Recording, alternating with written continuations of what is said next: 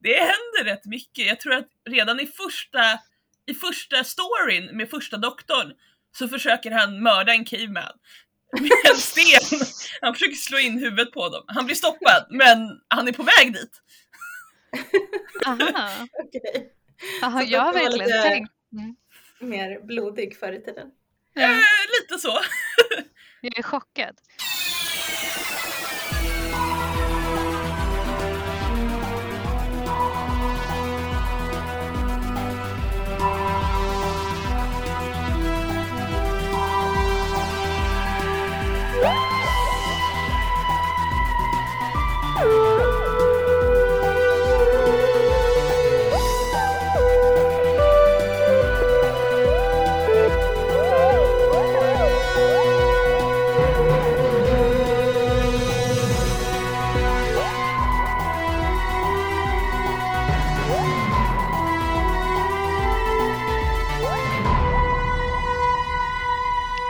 Välkommen till Dr Who-podden, en podd där vi går igenom nya Dr Who avsnitt för avsnitt. Idag ska vi prata om avsnittet School Reunion som är det tredje avsnittet i andra säsongen. Ni får gärna kolla på det innan vi ska prata om det, eh, Eller innan Så du det- lyssnar. innan du lyssnar. Precis, innan du lyssnar. Det blev lite hackigare vi säger avsnitt väldigt många gånger så jag ville Just det. Där får... Vi som pratar heter Malin Och Elin. och intromusiken är gjord av Allan Näslund. Eh, Yes. Och Elin, kan inte du berätta lite om School Reunion? Ja, det här underbara avsnittet är, ehm, ja, det ska jag berätta om. Eh, vi befinner oss i en skola i nutida London, alltså 2006, nutid i serien. Eh, och där har doktorn blivit lärare och Rose har blivit mattant i skolans kafeteria. Eh, den här rektorn på skolan heter Mr Finch och han är spelad av Anthony Stewart Head som många känner igen från Buffy. Han har fått mycket beröm för sina framgångsrika metoder som gjort att eleverna har förbättrat sina prestationer väldigt mycket. Men någonting är förstås på tok. När journalisten Sarah Jane kommer för att göra ett reportage börjar saker och ting hettas upp. Det visar sig att rektorn och en stor del av lärarstaben egentligen tillhör den utomjordiska rasen krillitaner. Säger jag det rätt? Jag tror det. Hoppas- jag tror det.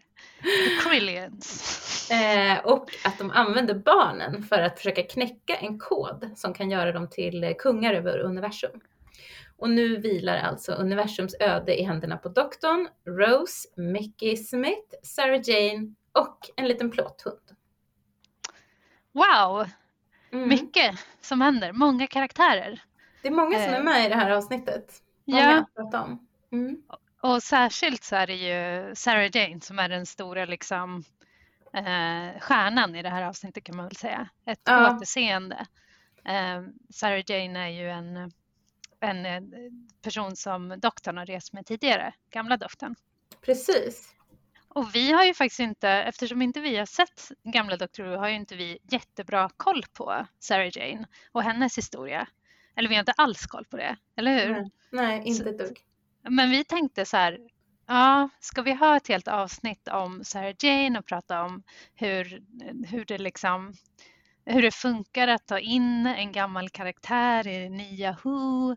Eh, vem är hon? Vad är hennes historia? Kan vi göra det?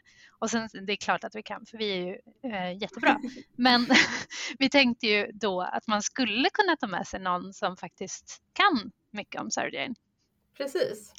Och sagt och gjort. Vi har bjudit in en, riktigt, eh, en riktig Dr Who-fan eh, och Sarah Jane-expert som heter eh, Karin Mikkos eh, som vi har träffat via Facebookgruppen Svenska Whovians som är en eh, jättekul grupp på Facebook om man eh, gillar Dr Who. Eh, och vi har helt enkelt eh, haft ett litet samtal med eh, Karin om Sarah Jane. Så vi Precis. tänkte att vi kör det nu eh, i podden och sen så fortsätter vi att prata lite själva efter det. Precis. Så varsågoda. Nu ska ni få höra vårt samtal med Karin.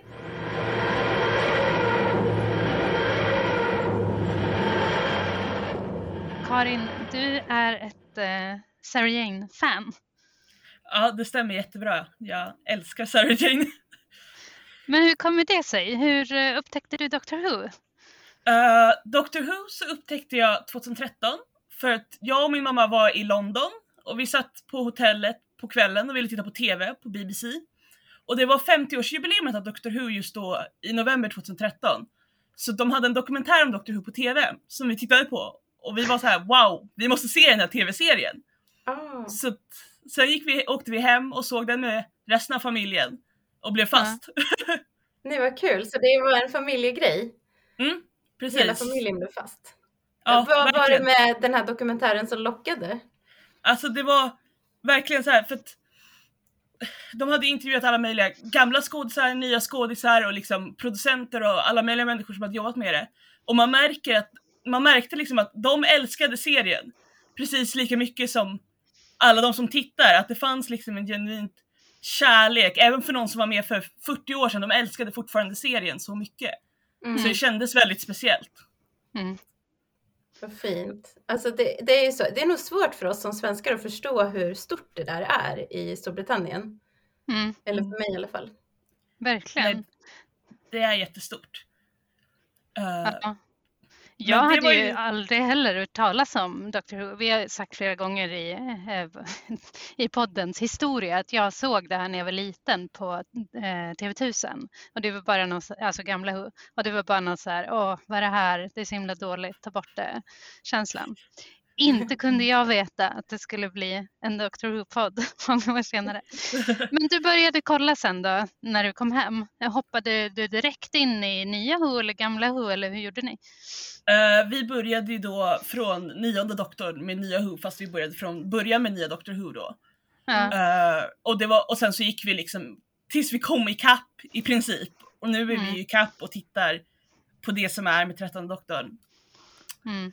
Eh, och när det gäller Sarah Jane då så var det en annan story i sig. För att hon har, fick ju en egen spin-off-serie efter den här episoden, Sarah Jane Adventures. Och den gick Mm. på Barnkanalen typ Mhm. 2008 eller 2010 eller någonting. Jaha, det hade jag ingen aning om. Jo, så jag såg den serien innan jag såg Doctor Who.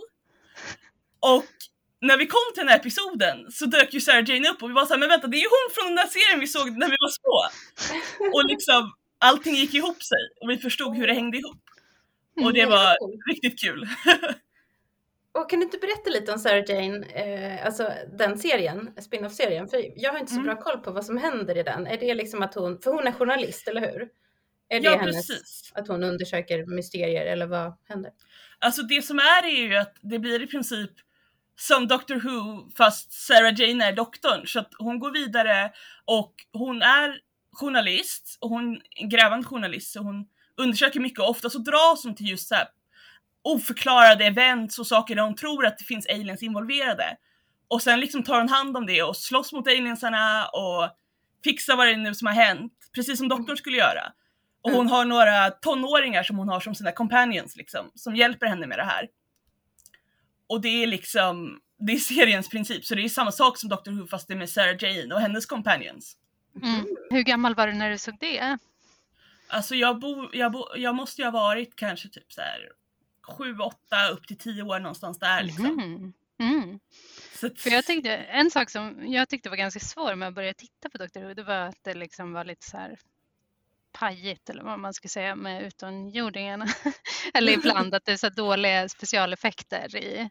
Eh, alltså det tog ett tag att vänja sig vid det och nu tycker jag att det är roligt såklart. Men alltså är det så i Sarah Jane Adventures också? Att det är mycket konstiga utomjordingar eller? det är en hel del konstiga utomjordingar i Sarah Jane, precis som i Doctor Who, men det är inte Mm. liksom det här att de reser till olika planeter eller sånt där. Så det är Mm. mer liksom då, aliens kommer till jorden och hon träffar dem på jorden. Mm. Så. Och Sarah Jane Adventures är också mer, den är ju, var ju riktad till barn som en barnserie liksom. Så Mm. den är ju lite snällare än Doctor Who i många avseenden. Mm. Just det. Alltså jag måste ju, kände jag kollar ju med, på Dr Who med min dotter nu, hon är tio. Men jag känner ju att vi måste leta upp Sarah Jane Adventures också. Verkligen. Ja, jag rekommenderar det.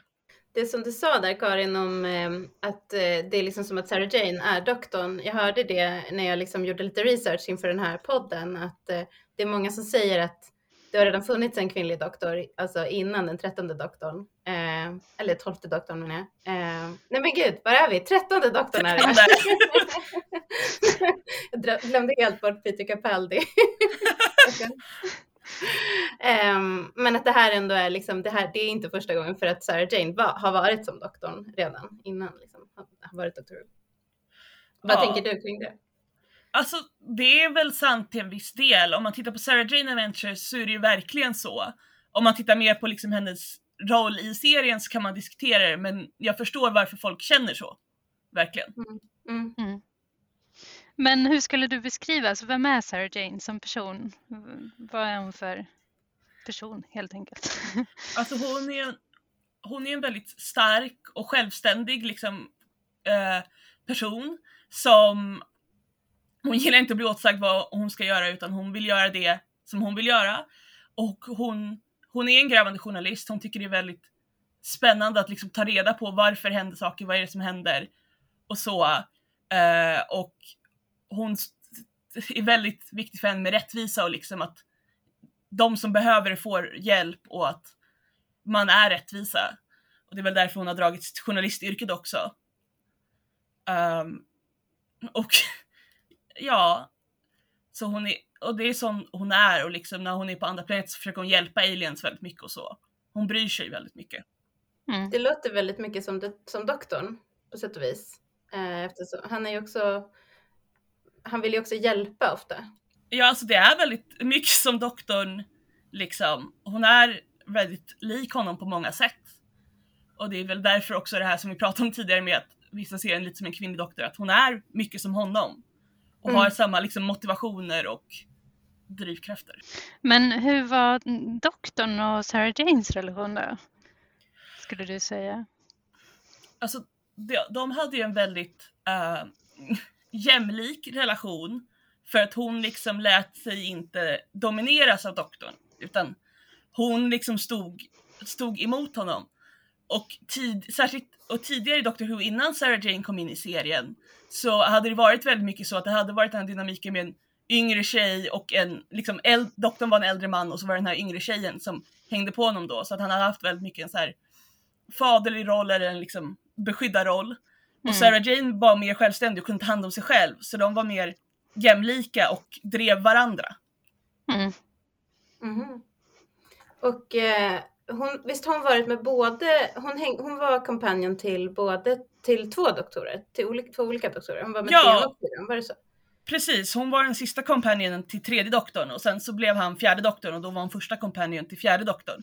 Så att hon var inte med särskilt länge med tredje doktorn, jag tror att det var Ed, kanske två stories, men sen en längre bit då med fjärde doktorn.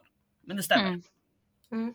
Mm. Men som i den här serien, eller i det här avsnittet av School Reunion, då um, det finns ju väldigt många känslofulla, fulla, känslofulla eh, scener tillsammans med doktorn eh, och Sarah Jane. Och hon säger ju vid något tillfälle, för han frågar henne, ja, har det någonsin varit någon särskild man i ditt liv eller någonting? Och då säger hon att det har funnits en, men, och jag reste med honom mycket, och, men han var svår att följa. Eh, så det låter liksom som att, alltså det beskrivs ju lite grann som att det skulle vara någon slags kärleksrelation. Men hur ser du på det? Är det var det så eller liksom, hur funkar det? Alltså, hur ska du tolka det här? jag skulle ju säga att det var, det var liksom lite hintat på den typen av relation, att de, de var väldigt, väldigt nära varandra och dok, doktorn höll av Sarah Jane väldigt mycket och hon höll av honom väldigt mycket. Att det var liksom hintat på mycket av en eh, kärleksrelation redan i liksom klassiska Doctor Who, även om det inte var uttalat. Och sen i nya Doctor Who och även i spin-offen sen så har de pushat liksom ännu mer på det och eh, tryckt ännu mer på just det som man ändå kan ana i klassiska Doctor Who. Vad tycker du om det då? Tycker du de ska ha en romantisk relation? Det är väl lite, alltså vi brukar ofta, alltså det är en sak vi återkommer till i podden att vi är inte så förtjusta när doktorn och eh, vem man nu reser med, ja Rose här är ju hittills som vi har pratat om, men när de liksom, ja när Rose, när de när de har en, verkar ha en kärleksrelation helt enkelt. Vad tycker du? Ledande fråga. ja, men alltså, jag, jag gillar det väldigt mycket och jag tycker att man ser det väldigt, jag tycker att det är också, jag har sett mycket ute i fandom att många tycker verkligen att de är ett jättebra par och om, om man vill ha någon kärleksrelation så är en, det en av de liksom, kärleksrelationer mellan doktor och companion som man verkligen uppskattar. Och jag tycker att det är, de är jättegulliga tillsammans, jag gillar verkligen det, jag älskar det. Mm. Men vilken doktor är liksom hennes doktor då, skulle du säga? Är det fy, ja. ja, fyran. Jag skulle säga att fjärde mm. doktorn Tom Baker, det är hennes mm. doktor verkligen. Och de hade den här urs ursprungliga relationen och hon var med honom just från början för att han regeneratade och blev till fjärde doktorn och hon var med från början. Så att jag skulle säga mm. det är hennes doktor. Mm. Men vad hände egentligen där eh, när hon blev, när han lämnade bort henne, lämnade av henne på fel ställe i Aberdeen istället för jätte, jättelångt, 60 mil hemifrån. Vad uh, hände där? Alltså det som hände var ju att i den sista, slutet på den sista episoden, så doktorn fick ett meddelande från, från sin ras, från Time Lordsen, att komma hem till sin hemplanet. Och han kunde inte ta med sig Sarah Jane till sin hemplanet. Uh, och så då sa han ju liksom att nej men, jag lämnar av dig så kan du vänta här så kommer jag tillbaka sen. Och mm -hmm. han lämnade av henne uh, på fel ställe då. Och sen så gick de vidare med en annan companion och liksom en annan storyline och karaktären kom inte tillbaka. Hårt. Ja. Vad låg bakom det här då? Var det liksom att eh, BBC ville byta ut Companion? Var man trött på Sarah Jane eller ville hon göra något annat? Eller var det, var det bara i storyn skulle det vara så här? Eller vi fattar inte riktigt.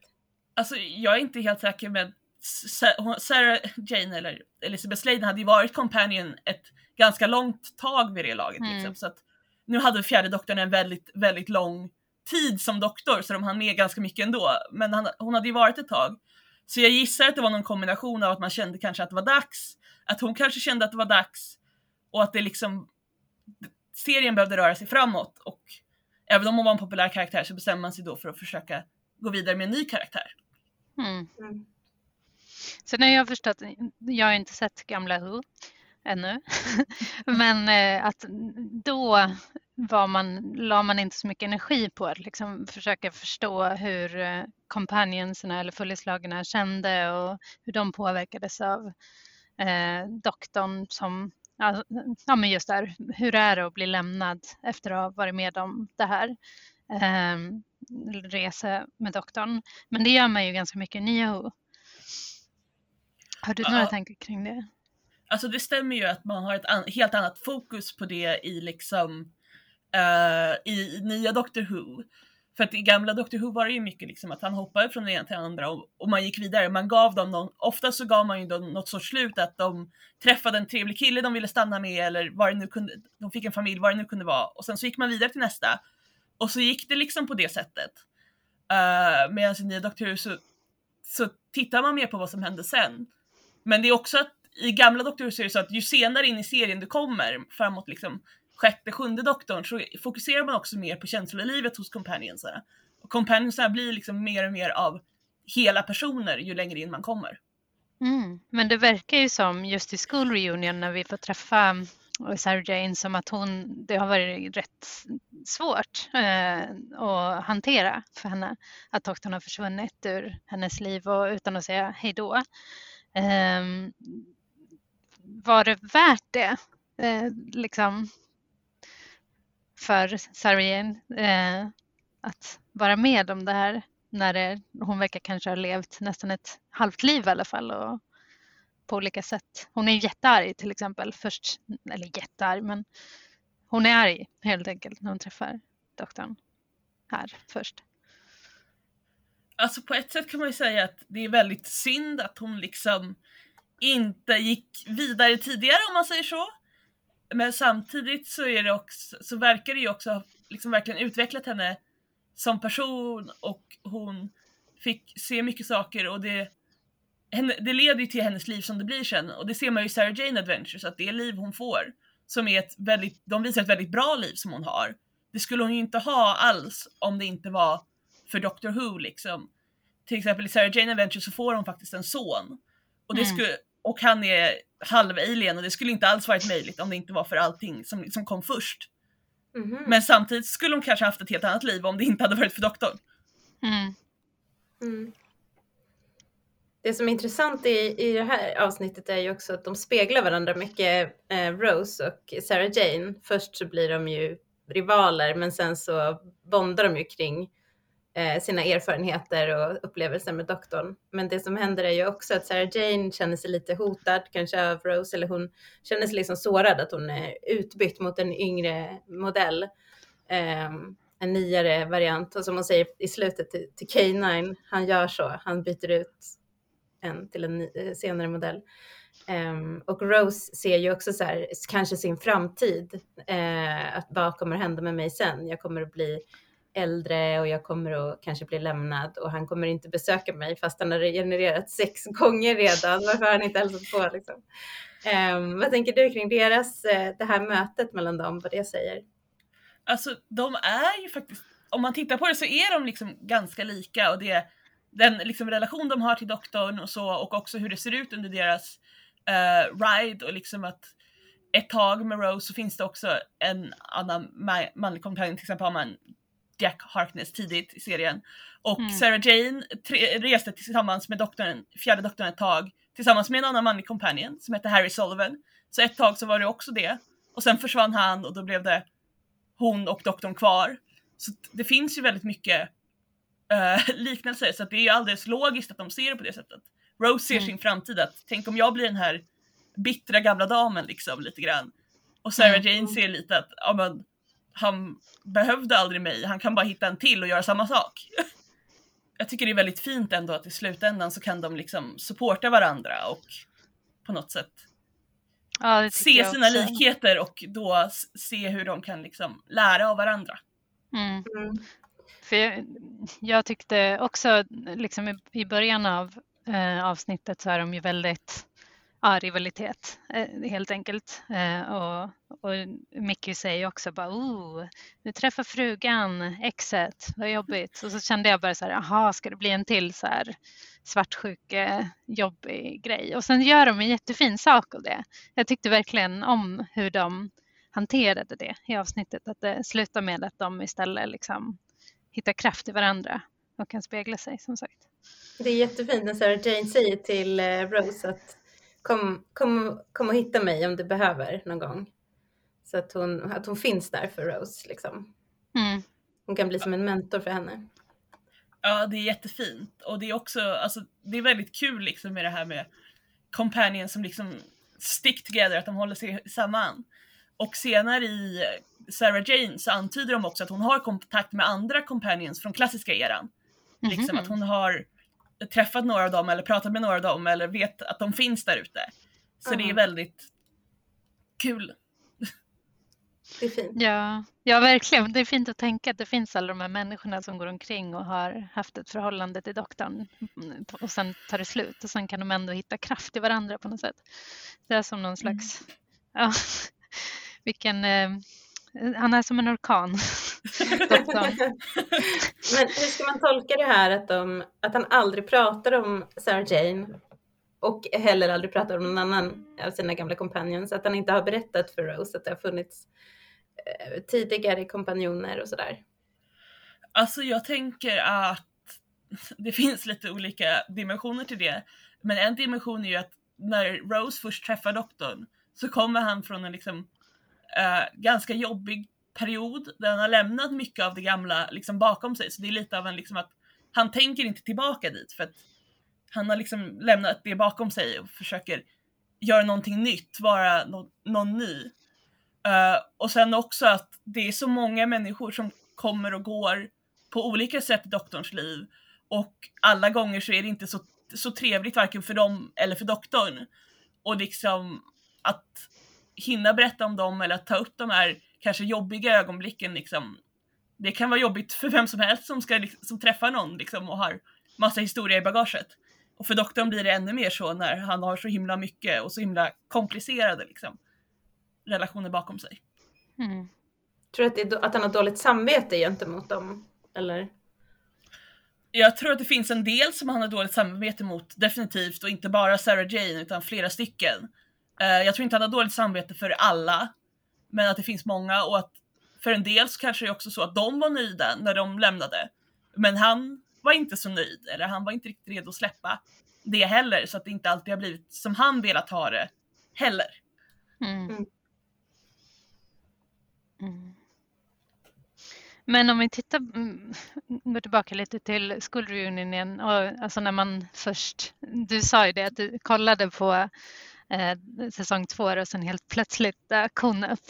Eh, kände du igen Sarah Jane liksom från, eh, hade de gjort en rättvis bild av henne i det här avsnittet? Ja, vid det laget hade inte jag börjat titta på gamla Doctor Who än, så då jämförde jag henne bara med Sarah Jane Adventures och det Ja, känner man det. igen för att det kommer sen. Men sen Mm. i efterhand har jag ju gått tillbaks till klassiska Doctor Who. Och jag tycker att de har gjort henne äh, rättvisa i mångt och mycket. Sen kan man alltid prata om det här med just att hon blir um, svartsjuk på Rose och så, hur mycket det är i hennes, eh, i hennes personlighet när hon är en väldigt självständig person. Men de, jag tycker att de hanterar det väldigt bra ändå. Så att jag tycker att det är väldigt mycket och just också att hon kommer till skolan, hon har hört att det är något mystiskt på gång där och liksom hon vill gräva i det och använder sin journaliststatus. Och det är precis så Mm. hon träffade doktorn också, att hon låtsas vara en journalist Ah. som var där för att liksom höra vad det var som pågick, att hon liksom det var som grävande journalist som hon träffade doktorn första gången, så det blir väldigt mycket en reflektion av det som hände i klassiska Doctor Who. Mm. Ja, kul. Ja. Ja, men jag sitter och tänker liksom, alltså nu när vi har sett, och du som har följt då eh, Sarah Jane, både från liksom hur det var när hon träffade doktorn, när hon reste med honom efteråt och med Sarah Jane Adventure och allting. Eh, var det rätt av henne att liksom, eller så här, jag skulle säga, skulle du, eh, om du var henne, skulle du rest med doktorn? Uh, alltså jag skulle ha gjort det för att det är ändå ett ganska kul erbjudande när de kommer upp till henne och bara Vill du se hela universum? Så här, vem säger nej till det? Man bara uh, ja, I guess. Men jag tror att om man, om man hade vetat dealen i förväg så hade det ju varit mycket lättare om man liksom hade vetat att det här varar så länge det varar och sen så är det bara att liksom, och sen är det slut. Och det är så det är. Då hade det ju varit mycket lättare, för det är ju det som är en av problemen för Sarah Jane, att hon liksom aldrig fick det avslutet. Att hon sa inte hej då och hon visste inte om det var slut eller om han skulle komma tillbaka om ett år, fem år, tio år liksom. Nej, just det. Ja, man undrar ju hur det var om hon satt där i Aberdeen, i Aberdeen och liksom väntade eller när bestämde hon sig för att nej, jag får nog åka hem till, till London igen och han kommer nog inte tillbaka. Liksom, var det veckor, år, dagar? Eller, ja. Alltså man vet ju att hon i alla fall tog sig hem ganska snabbt för att dels så scenen slutar ju med att hon lämnar av honom och hon börjar liksom, och hon inser att hon är på fel ställe men sen börjar hon gå ner för gatan och liksom Mm. går bort i solnedgången. Det är så den scenen är konstruerad. Så det känns ändå som att tanken var att det ändå skulle kännas lite som att ja, men, nu får hon gå tillbaka till något annat tills vidare. Mm. Ja, Jag såg det lilla klippet faktiskt på Youtube bara. Ehm, och då är det som att det börjar med att hon, eller i det lilla klippet då, det börjar med att hon kommer in i Tardisen och är så här, eh, skojar om att hon ska sticka därifrån eller om att, att hon ska åka hem. Och då säger han att hon måste åka hem. Och hon har typ en blomma, hon har massa grejer med sig. Men hon tar det liksom ganska bra. Och sen så när hon blir avsläppt där så känns det också som att hon hon tittar sig omkring och så skrattar hon lite. Hon bara, det här är ju inte alls eh, den här gatan där jag bor. Och så träffar hon en hund där som hon klappar lite på. och Så. En riktig hund alltså, inte en plåthund. Nej, just Nej, det! en riktig! En riktig. Apropå det, för K9, var, var, var den med när, eh, med. Sarah Jane? Jag tror faktiskt att, nu har jag inte jag exakt koll, men jag tror faktiskt att, Sarah J- äh, att K9 kom lite senare, det kom under fjärde doktorns äh, era, men jag tror att den kom strax efter Sarah Janes period egentligen. Däremot, det som kopplar att Sarah Jane har K9 i den här episoden är att när Doctor Who fyllde 25 år, 83, så gjorde de en specialepisod och där kommer Sarah Jane tillbaks tillsammans med flera andra gamla karaktärer och gamla doktorer. Och i det klippet så ser vi att hon har K9 med sig.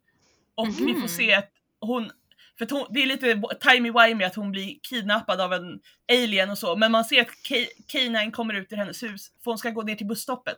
Och K9 kommer och varnar henne att du ska inte gå, du ska inte gå. Hon bara, men jag måste gå. Och sen blir hon kidnappad av den här alienen då. Mm. Så då ser vi att hon har K9 om inte annat i den senare episoden med femte doktorn. Mhm. Ja, Ja. Vad, vad bra Russell T Davis är på att fånga upp sådana där grejer och ta in det tycker jag. Ja, han har ju Mm. tittat på klassiska Doctor Who som liten så han har ju Mm. koll. Han är ju ett fan själv och det är det som, Mm. det, är det som gör serien så bra. Att varje ny generation av skådisar och, och liksom arbetare på showen växte Mm. själva upp med Doctor Who så de vet precis vad det är de Mm. jobbar med. För det, det tycker jag också är en grej som jag verkligen gillar med skolreunionen är att man har ju förstått att, eller David Tennant är ju också ett jättestort eh, Doctor Who-fan Mm. och att han är så genuint liksom glad över att träffa eh, Sarah Jane. Alltså på ett så här, det ser väldigt, väldigt genuint ut. Och jag kan bara Ja. tänka mig att han, alltså det är genuint också, att han på ett sätt både är doktorn men också det här fanet som får träffa sin, en av favoritkaraktärerna och liksom wow, det är faktiskt Sarah Jane, hon står framför mig. Eh, det kände Ja. jag lite när jag såg det. Ja, han har ju sagt att han älskade det, han tyckte det var hur kul som helst. Det var som hans liksom, barndomsdrömmar som gick i uppfyllelse. Så det stämmer Ja. ju absolut. Ja. Det är jättekul för han, han, det märks verkligen att han, som du säger, att han älskar henne och att, hon- men hon känner ju inte igen honom när de träffas eftersom han har regenererat. Så att eh, hon fattar ju ingenting. Hon måste ju trott att han blev störtkär i henne när han, beter sig på det där sättet. Han blir så Ja, bara, världens läskigaste person. Mm. Så stalker. hon har ingen aning om att det är han. Nej. Men han visar ju också väldigt mycket kärlek mot K9 när han tittar på sin hund. Mm. alltså det är verkligen hans hund. Han bara you're a good dog. Ja. Ja, det är också Ja. fint. Precis. Och han har ju ett väldigt tight relationship med K9 också från klassiska serien. Liksom, att det händer alla möjliga grejer. Han lagar K9 flera gånger och någon gång så tror jag till och med blir det en ny version av K9 och alla möjliga grejer. Han har ett väldigt Mm. Starkt förhållande till K9 också redan från början. Ja. Jag alltså det är ju väldigt roligt. Fast egentligen tycker jag att det, det är så här, jag tänkte på det ganska mycket. Att bara, men, eh, har tidsherrar husdjur? Eller liksom, hur kunde han bli så himla... För det är ju såklart en mänsklig grej att ha hundar som husdjur och gillar Mm. dem så mycket. Men det känns lite så här, alltså att han tilltalar Keinai på det sättet som eh, hussar och mattar och andra kallar sina djur. Liksom bara, That's a good boy. Du, du, du, du, Man är så här, Mm. är det, varför gör han så? Har han blivit, eller liksom, det känns lite för mänskligt för mig nästan. Fast jag gillar det också. Men jag, jag, tyckte, jag tyckte det var kul att tänka lite kring det. Men det är just en av de sakerna som liksom ska utmärka doktorn, att han är ju inte som andra av sitt folk, utan han är en unik person som har liksom ett, en inställning till människor, en inställning till andra raser som är annorlunda och han är liksom mer mänsklig än vad hans ras egentligen är. Mm. Typiskt. Ja, han tar ju väldigt mycket intryck av människorna såklart. Mm. Det är väl därför han älskar jorden, antar jag. Ja, Var kommer, var kommer Kanan ifrån? För de säger att eh, Mickey tycker att han ser ut som en, eh, att han ser väldigt disco ut. Eller om det är Rose som säger det. Eh, och då säger doktorn att han var, att K9 var liksom det senaste år 5000. Så det verkar ju vara, ganska, alltså det verkar ju vara en mer framtida fi- figur. Eh, jag har faktiskt inte exakt koll för jag har inte sett just den episoden där han först dyker upp i gamla Doctor Who men det är ju liksom som jag förstår det så är det ju att han plockar upp honom någonstans på resorna ungefär som han plockar upp en companion liksom att han skaffar sig en robothund. Att liksom det är bara någonting som dyker upp och det är som en companion sen som följer med genom många andra companions.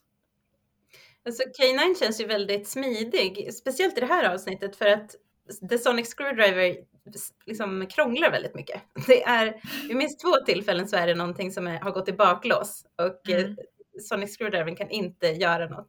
Men då kan ju K9 eh, steppa in. Och det är också som att eh, Sonic Screwdriver är ju alltid så här, åh, doktorn får läsa av själv och liksom säga, men K9 kan ju själv berätta vad den liksom, när den analyserar oljan till exempel. Mm. Absolut. Det är en smidig ursäkt när man liksom inte kan få någon av de andra karaktärerna att förklara det. Precis. Jag tyckte att det var lite så här, det var ju, ja men som sagt, det var ju väldigt eh, behändigt att ha Kaina in i det här avsnittet, men att doktorn har en eh, följeslagare som dödar folk. Eller folk och folk, men eh, eh, som man gör med de här Utan Eh, tvekan. Ja, det tyckte jag var lite, alltså de var ju eh, illa ute där, men det var lite okaraktäristiskt tyckte jag. Det är också en grej av nya Doctor Who tycker jag, för att gamla Doctor Who så liksom dör det ganska många karaktärer, både goda och onda och liksom ibland dör en companion. Det, det händer rätt mycket. Jag tror att redan i första, i första storyn med första doktorn så försöker han mörda en caveman med en sten. Han försöker slå in huvudet på dem. Han blir stoppad, men han är på väg dit. Aha, Okej. Aha jag har verkligen lite- tänkt. Mm. Mer blodig förr i tiden. Ja, Eh, lite så. jag är chockad. Jag känner mig Mm. en liten till grej om K9 som jag tänkte på, är ganska bara en jätteliten grej, men jag har aldrig tänkt på Mm. att man säger master and mistress i Storbritannien för um, eh, husse och matte. Och så tycker jag att det är ganska eh, roligt att, eh, vad heter det, K9 kallar doktorn för master utifrån. Just det. Ja, det är lite kul. Master och Missy. Ja, verkligen. Mm. Ja, Precis, det är något annat. En liten detalj där. ja. tänkte lite för mycket på K9 kanske när jag gjorde min. Ja. Jag var inte så förtjust i K9 när jag såg det här avsnittet första gången, men Mm. eh, tyckte mycket mer om, om honom den här gången. Men mina barn älskade det, för jag ko- kollade tillsammans med mina barn eh, och de tyckte att han var jätterolig. Speciellt när han säger så här, eh, när Mr Finch säger till honom Bad dog på slutet när han skjuter sönder oljan. Och då säger han affirmative. det tyckte de var jätteroligt. Jag tyckte också den är rolig. Det är också roligt. Alltså det är en väldigt rolig scen när Mickey och K9 är i bilen och ja. you're in a car, you're in a car. det var Mm. kul. Ja. Mm. Vänta på att det ska, ska trilla ner för mycket. Mm. Precis. Han bara, jag, upp, Mickey. jag upprepar det så kommer han fatta till slut. Ja men det är en hund med mycket humor Mm. och ett självdistans eller på att säga men jag vet inte om det är rätt ord. Ja, Men är då är frågan, är Mickey plåthunden? Han kom ju på det själv. Han bara, oh my god, I'm the tin dog. Men är han det? Tycker du det, Karin? Alltså, alltså lite ibland. Men jag tycker inte han bara är plåthunden. Liksom, för att jag tycker att det finns mer där ändå och det finns liksom, vad ska man säga, de har mer känslor kring honom än det. Men samtidigt så har de ju, att vara plåthunden kanske inte är så illa för liksom K9 är ändå, vi pratar om att han är en väldigt uppskattad liksom person ändå och han betyder väldigt mycket för dem. Så att, att vara plåthunden kanske inte är liksom så illa som det låter. Att han är ändå väldigt uppskattad och Rose bryr sig mycket om honom. Och hon säger ju det liksom, jag hade kunnat komma hem bara för att hälsa på dig. Och han bara Mm. nej, det skulle vi aldrig göra. Då visar hon ju ändå på att hon bryr sig ändå mycket om honom även om han kanske inte riktigt själv ser det. Så Mm. mm. kanske, men i så fall är det inte så illa. Men, men det är ju lite intressant tycker jag att när Mickey är så här, ja men jag är plåthunden, då bestämmer han sig för, nej men jag vill inte vara en sidokaraktär. Jag vill steppa Mm. upp liksom och bli, ta del av det här på ett helt annat sätt. Att det liksom får honom att inse att, ja men jag vill också vara med. Ehm, men då säger doktorn bara, ja men det är klart att du får vara med. Det är ju, det är ju kul att ha någon som man kan skratta med. Ja. Ja, jag Ja. vet, han, alltså, han behandlar Mickey så himla speciellt tycker jag. Men mm, Han känner Ja. konkurrensen. Men det är lite rester kvar av eh, doktor, nionde doktorns eh, härskartekniker när han kallar honom för Ricky hela tiden Ja. och Mm. mycket idiot och sådär. Men eh, annars så tycker jag ändå att tian är mycket trevligare mot eh, Mickey än vad nian var. Jo, Eh, det är Men han. man märker att. Rose, man, man märker i den scenen att Rose inte är så peppad på att Mickey ska följa med. Hon mimar till och med till eh, doktorn när, eh, när Mickey frågar om om han får följa med. det är så hemskt tycker jag. Mm. Eller på ett sätt så kan jag också se att det är ganska taskigt av doktorn att eh, inte kolla med henne först. Eh, för att hon vill ju uppenbarligen inte. Men å andra sidan så tyckte jag väl att doktorn, ja men där är ju ett sätt att visa liksom att han gillar och är omtänksam mot Mickey också i och för sig. Eh, Mm. Att han ändå tycker det är viktigare att, att han ska få följa med än att Rose ska få hålla på med sin svartsjukegrej som hon oftast Ja, men det är ju om han uppfattar det. För förut så ville ju hon att Micke skulle följa med. Men nu är det ju någonting som har förändrats i deras relation som gör, Mm. alltså hon har väl blivit kär i doktorn. Ja, alltså jag tänker hon var tidigare. det är väl det som är att det är ett obekvämt möte liksom. Där hon, för innan hade hon liksom två parallella liv eh, och, och relationer, liksom, en med Mickey och en med doktorn. Men det går ju bara när de, när de inte är på samma plats samtidigt liksom. Och då Mm. måste ju hon börja göra lite val och liksom bestämma. Mm. Mm. Hon ser verkligen ut som en riktigt trulig tonåring där. Nej, hon bara okej. Nej, det, det gör inget. Hon är ju typ 19 så hon är ju liksom en tonåring. Mm. Ja, verkligen. Nej, ja. Alla hennes unga hormoner som doftar så mycket som vi får lära oss om Slytherinsen. Mm. Ja, precis. Det är också väldigt roligt eh, som jag tyckte var kul i det här avsnittet när eh, Sarah Jane när hon håller på med sin så här, ja men jag har träffat den här, jag har träffat du, du, du. Och då säger ju Rose, jag har träffat Slytherins i London Mm. och man bara, var de verkligen så speciella att träffa? Fisande Ja, utomjordingarna. imponerad av. Precis. Eller varulven. också Ja. Nej men det är jättekul och alla som Sarah Jane nämner är ju också sådana som hon har träffat liksom. Hon har Mm. träffat Loch Ness-odjuret i en episod av klassiska Doctor Who. Det hände! Ja, jag är sugen Det på att ju- se det. Ja, det var också. jättekul. Det var en Ja. jätteful um, handpuppet som de hade för att spela den, men det hände liksom. Så att Mm. det är jättekul när hon verkligen håller på och man vet liksom att det där har hänt. Och, Mm. hon, och du kan gå tillbaka och titta på det om du tycker att det låter kul. Ja. Det är jättebra. Det är faktiskt, jag, ty- jag älskar sådana riktiga callbacks som är liksom inte bara det här hände off screen utan det här, Mm. det här har hänt i ett avsnitt. Mm. Jo precis. Men det var en annan ö, i när, em, vad heter han, Eh, jag vill bara kalla honom för Giles såklart, men rektor Finch, Ja. eh, när han eh, säger så här, men när han försöker övertala doktorn att Mm. bli den här guden eller vad det nu är, ja. eh, så säger ju han så här, men tänk på planeterna du kan rädda och så säger han några planeter som jag inte Mm. kommer ihåg vad de heter, men de finns tydligen, eller de är inte med i. Som jag förstod det. Eh, har jag inte koll på men det, kanske, det är de kanske men- inte. Nej, jag, har hört, ja, jag hörde det i någon podd som jag lyssnade på. Okej. Det, Det lät bra bara. mm, Ja. Men en annan sak som jag tänkte på, eh, det var ju också relationen, om man jämför liksom relationen Sarah Jane och Rose, för i det här avsnittet så säger ju doktorn att ehm, Eh, nej men för, för Rose liksom frågar, ska du lämna mig också? Och då säger Mm. doktorn, nej, inte dig.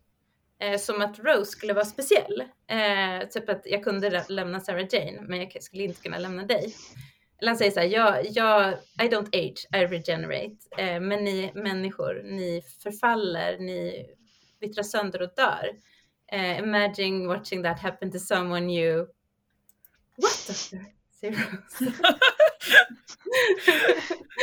Ja, men och så säger han så här, du kan spendera resten av ditt liv med mig, men jag kan inte spendera resten av mitt liv eh, med dig. Mm. Eh, jag måste fortsätta leva ensam. Va, vad betyder det här egentligen? betyder det här att Det- han älskar henne? Alltså jag, jag tror ju verkligen att han i alla fall i, om inte annat i liksom sin föregående generation, när fjärde generationen kanske verkligen älskade Sarah Jane. Men jag tror också att det har också mycket att göra med, vad heter det, doktorns utveckling som personlighet. För att fjärde doktorn är en väldigt, liksom, vad ska man säga, impulsiv, lite hyperaktiv karaktär som liksom väldigt mycket hoppar från grej till grej. Så jag tror att det är liksom att antagligen så var det så med relation med Sarah Jane att liksom det var först med tiden som han kanske började inse precis hur mycket, hur mycket konsekvenser det fick för honom när han liksom lämnade henne och sen valde att inte komma tillbaks till henne. mm, Um, medans nu i den generationen nu med Rose så har han mer förståelse för det och liksom därför så är han inte lika liksom lättvindig i vad han skulle göra med Rose för att han förstår mer vad det skulle få för konsekvenser för honom, även för honom själv. Mm. Gud vilken bra analys. Han har Mm. utvecklats, doktorn har utvecklats. Mm, Vad fint, jag gillar det. ja, ja, det var ju en väldigt fin scen det överhuvudtaget. verkligen. Eh, Mm, det var nog en av mina favoritscener i, i det här avsnittet faktiskt. När man Mm. förstår att doktorn påverkas så mycket av att liksom se människorna som han kanske älskar då, eh, vittra sönder. Men man Mm. undrar också så här, kan han då inte spendera åtminstone hela deras liv med dem? Eller måste han lämna dem innan de vittrar sönder och dör? Jag tycker det är lite taskigt. Ja. Ja. men det är väl inneboende i doktorn lite att han, han eh, undviker konsekvenser om han kan liksom. Att han vill inte alltid, han vill inte ta konsekvenserna av sitt handlande om han inte måste och det är lite inneboende i doktorn. Så han liksom, han lämnar innan han ser slutet på det hela. Just det. Ja. Mm. ja, men man ser ju också på Sarah Jane att hon eh, tycker att det är jobbigt att träffa honom när hon har blivit gammal. Eh, alltså hon har ju inte blivit Mm. så gammal. Jag vet inte hur gammal hon är. Vet du det? När hon, spel, när hon, när hon Ja. spelade in det här?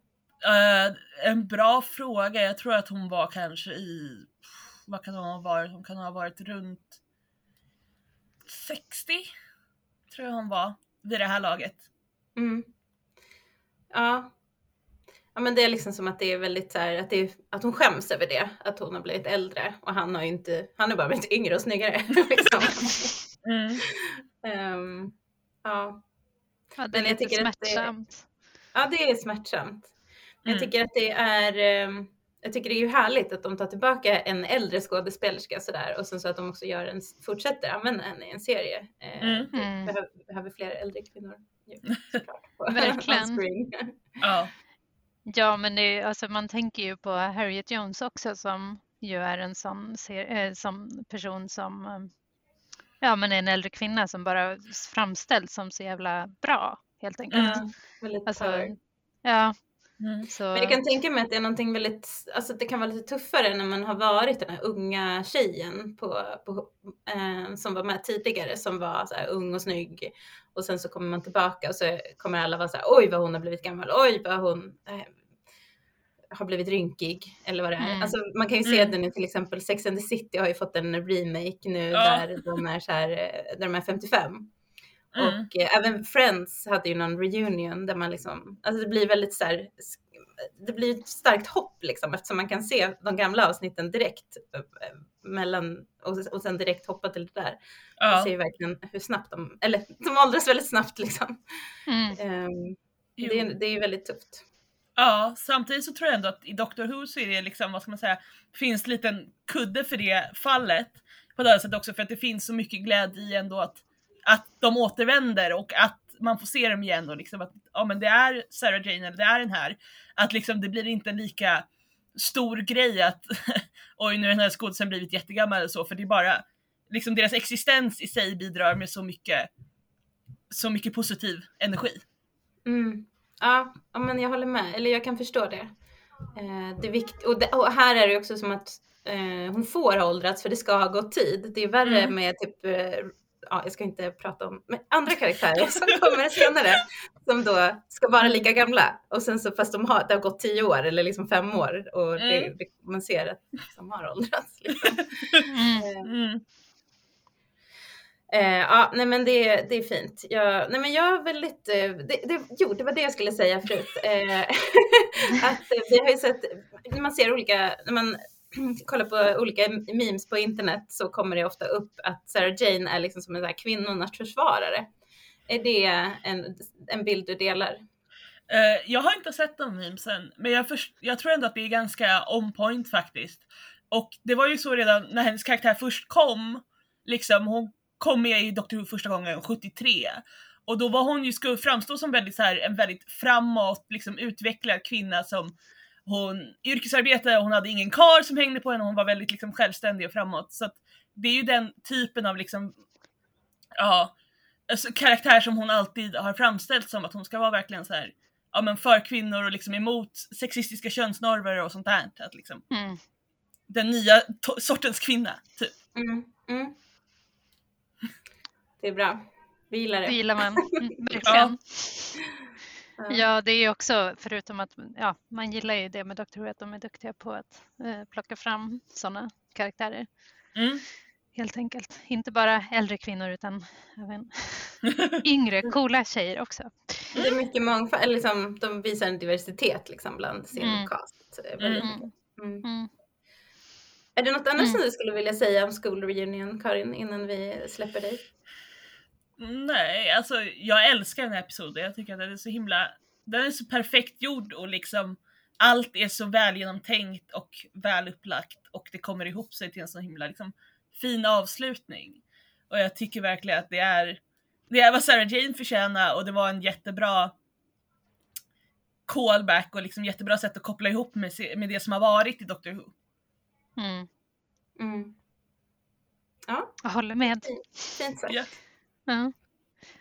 Men eh, med det så tror jag att vi tackar dig för att du ville vara med i podden Karin. Det var verkligen jättekul att höra både hur du börjat, eh, började titta på Dr. Jag blev väldigt så här, inspirerad och hoppas att eh, min dotter också kommer uppleva att det är liksom en så här, familjegrej på Mm. ett sätt. Men framförallt så är det jätteroligt att höra om hur du har tolkat Sarah Jane. Ja, jag håller med. Det var jätte, jätteroligt att ha dig med och eh, du får jättegärna komma tillbaka och gästspela igen om du vill. om Det är ett särskilt gärna. avsnitt som du brinner för eller Ja. känner starkt för så får du jättegärna hoppa in igen. Ja, om ni vill ha mig någon gång så kommer jag gärna tillbaks. Ja, vad kul. Det var jättekul att vara här i alla fall.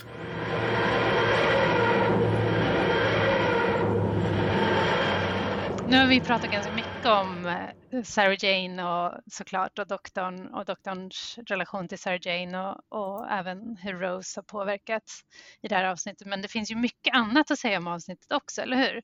Mm, väldigt mycket tror jag. Men vi får Ja. försöka begränsa oss lite. Men vi kan väl ändå ta våra vanliga punkter och se om, vad- om vi kan hitta lite mer att prata om. Speciellt, mm, jag tänker att Mr Finch är ju någonting vi vill prata om, för det är ju det, det har vi inte hunnit gå in på så mycket och det känns ganska speciellt ändå. Alltså Ja. Anthony Stewart Head gör en så fantastisk rolltolkning här. Verkligen. Hur Och- kände du när du såg honom? Eh, både du och jag har ju kollat med stor behållning på Buffy. Eh, så det är klart att bara det att han är med är ju stort. Mm. Eh, liksom. Så man blir jätteglad att se honom och att han är med i, i den här serien också. Men sen är han ju också jättebra. Alltså Mm. verkligen jättebra. Sen är han ju ond. Ja. Och det är ju inte Giles. Nej, precis. Giles är ju den stora tryggheten i Buffy. Han är ju den som eh, ja, han är ju Buffys, Buffy är ju en vampyrdödare som säkert alla vet och eh, han är hennes watcher så han ska liksom, han är hennes mentor, hennes guide och väldigt mycket hennes fadersfigur eftersom hon inte har någon annan pappa. Eh, ja, han är helt enkelt den stora tryggheten och klippan i serien. Mm. Eh, och vi nämnde ju honom förra gången också eftersom han är den här, eh, han börjar ju vara, vara skolbibliotekarie så han, eh, de beväpnar sig med böcker alltid Mm. Buffy, vilket de gjorde i förra avsnittet av Ja. Men-.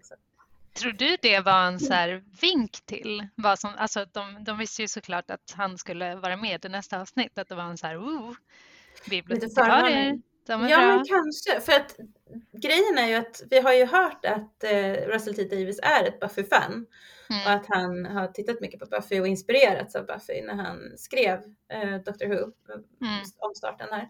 Så det kan ju vara så. Eh, jag menar det känns ju väldigt, det är svårt att tro att det inte skulle vara inspirerat eh, när de sitter där och läser de där böckerna för att ta reda på hur de ska göra sig av med, med varulven. Men i, Verkligen. nu ska vi prata om det här avsnittet. Och just det här att så här, möta en, en älskad, eh, ett älskat ansikte som Mm. inte är att han, in, han är, att han är ond, det tycker jag är, Mm. det kanske är lite barnsligt, men jag tycker att det är, ganska jobbigt. Ja, men jag, faktiskt. jag fattar ju exakt vad du menar. Alltså, det är ju David Tennant är ju en sån karaktär för mig, eh, såklart utifrån eh, att han är med eh, i Doctor Who. Men Mm. han har ju också en sån annan serie som Mm. heter Jessica Jones som har gått på Netflix där han spelar så jäkla ond. Ja, det är den där ondaste monstret som finns. Ja, liksom. fa- faktiskt ondare nästan än eh, Mr Finch i det här avsnittet. Även om Mm. han, Mr Finch är ju väldigt ond också. Mm. Eh, så. Men eh, så jag tyckte att det var jättekonstigt och svårt att kolla på Jessica Jones faktiskt. Ja, jag, eh. jag håller med. Jag tyckte också att det var svårt. Man blir liksom, alltså det var svårt att inte tänka att "Ah, men han, han kanske har någonting gott inom sig ändå. Ja men precis. Ja. Och det är Men väl det är samma ju- sak med Mr Finch här. När, när Mr Finch när han då försöker att eh, övertyga doktorn och komma över på hans sida. Han är ju väldigt, Mm. väldigt bra på det och lockar ju doktorn eh, ganska Mm. mycket. Han Mm. säger ju att eh, vi, vi, vi får makten, men vi behöver din vishet, vi behöver dig. Och du och jag, sida vid sida, vi kan bygga upp universum igen. Eh, och vi kan rädda de här civilisationerna. Och så lockar han ju också liksom, med det- allra, allra viktigaste, att tidsherrarna kan få återuppstå och, och, igen då. Mm. Och då märks ju att doktorn är, är eh, lockad av det. Verkligen. Och jag känner mig också lockad, även om man förstår att han är ond. Ja, men också att han, för ett tema i det här avsnittet är ju just det här att doktorn åldras på ett helt annat sätt än vad människor gör. Eh, Mm. och människor dör, eh, korta liv och sådär.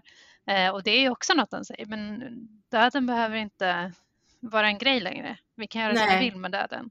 Rose och Eh. eh, Sarah Jane kan stå vid din sida, de kan alltid vara lika unga. Ja, Eh, och han tänker ju då att han kan stoppa tidskriget som har verkligen traumatiserat honom så mycket såklart. Eh, man ser Mm. att han blir väldigt sugen. mm. Eh, och man tänker ju också så här, doktorn och Giles sida vid sida som, kan som ska regera universum, det är ju hett. ja det är verkligen, verkligen. Om det hade varit Giles. Om det hade varit Giles. Det är ja, Problemet precis. är att det är Mr Finch. Men det är väldigt Precis. kul att få se honom i den här rollen eh, för att han gör den ju väldigt, väldigt bra. Och Mm. han är så himla läskig när han, eh, han har ett så bra kroppsspråk. Eh, då när de är liksom, de, vid ett tillfälle så sitter han på taket av skolan. Där de är på, nat- på natten där. Och så Ja. flyger det en eh, fladdermus till honom och sätter sig bredvid honom. Och då sätter Mm. han sig på samma sätt på huk med Ja. liksom handen mellan knäna på något sätt. Han, han har så himla bra kroppsspråk och även hans minspel när han i slutet eh, skriker och för att tillkalla sig de andra um, fladdermössen. Så ser han så himla himla otäck ut. Han ser inte alls Verkligen. mänsklig ut. Nej, jag håller helt med. Alltså, jag är sjukt imponerad av hans eh, skådespelarinsats. Alltså, verkligen. Och precis de scenerna som du eh, sa tänkte jag också på. Att, Mm. eh, det, hur lyckas han eh, se så icke-mänsklig ut? Ja. Eh, ja, jätteimponerande. Jag bara tänkte en till bara parallell till Giles. Det är ju ganska roligt att det är just i en skola. Det gör det ju ännu mer att när man ser Giles i en skola så är man så här, åh, Giles är här. ja, ska rädda de stackars eleverna. Ja, ja men precis. Förutom att man ändå var märker i början att han är väldigt, att han han är ganska ond för att han Ja. säger, han verkar ju äta upp det där barnet, det första som händer. Ja. Men det är ju, alltså jag tycker faktiskt att eh, det här avsnittet är läskigt. På, de lyckas ganska bra med så här, eh, skapa den läskiga stämningen av att något är fel och, och sådär. Mm. Ja, Eh, på ett mm, snyggt sätt. ja, men precis. Man känner ju, de här nutida avsnitten, de är ju väldigt fula, eh, Mm. måste jag säga. De, de liksom, det har inte stått sig bra, den Nej. moderna estetiken från 2006. Nej, Eh, och de här eleverna, eh, jag vet inte, de är ju inte så, så de ser inte så coola ut om man säger så. nej, Men, eh, men, men ja, det är en ganska läskig stämning. Men sen så Mm. är det ju också specialeffekterna igen, att de här eh, fladdermössen ser lite halvbra ut. Men jag såg som sagt det här avsnittet med mina barn och de var inte imponerade. De bara, Nej. åh vad dåligt. Men eh, ja, jag gillar att de har olika färger på sig. Att de ser lite så här, in, att de på, på sätt olika, de är inte, alla är inte exakt samma. nej, de känns ju som att de har lagt ganska mycket resurser på eh, de här Mm. krillianerna. Ja, Eh, men jag håller med, alltså det, det märks ju att det är en nästan 20 år gammal serie. På det Ja. sättet. Mm. Men ehm, just det här, det, jag, tycker, jag gillar det här skämtet när de gör inbrott i skolan på natten och eh, Rose säger när jag var liten så trodde jag att eh, lära, lärarna sov på skolan. För det tror, Ja. ju alla barn. Eller, Ja, de ja, men verkligen. Eh, eller inte på skolan, men, men när jag gick på, på dagis. Man tänkte ju inte att de hade ett liv helt enkelt. Man tänkte att Nej. de var lärare. Ja men precis, det var deras enda liv. Och sen Mm. så, så, och att de faktiskt gör det. att doktorn Mm. säger så här, Rose, det du trodde om dina lärare, det, är det stämmer faktiskt. Det, Ja. Jag tycker om det skämtet, jag gillar det. Ja, men vad tycker du? För, alltså en grej som jag tycker är ganska intressant med det här avsnittet. Vi har varit inne på det lite grann i samtalet med Karin, men att det handlar ju mycket om an, ja, men de här stora temana om liksom säga ja, döden, livet, existensen, allt det där. Men själva storyn mm. eh, och, och på, eh, det här med vad som händer på skolan, att det är de här krillianerna, eller vad man ska säga, är där och matar barnen med pommes frites för att de ska bli smarta och eh, så att de kan omforma världen. Det är ju inte så viktigt egentligen för att berätta Sarah Jane-storyn. Men varför tror du att de ville ha det på en skola just? Mm. Jag har inte tänkt på det, men eh, jag tänker att det är en miljö som de kanske, alltså det är ju en miljö som återkommer ibland mm. i Doctor Who. Jag vet inte hur det har varit tidigare, men eh, det var ju det här med att de ville ha, ja jag vet inte varför de gjorde det på en skola. Vad tror du? Eh, det är bra, då borde jag ju ha tänkt ut ett bra svar på det när jag ställer den så här.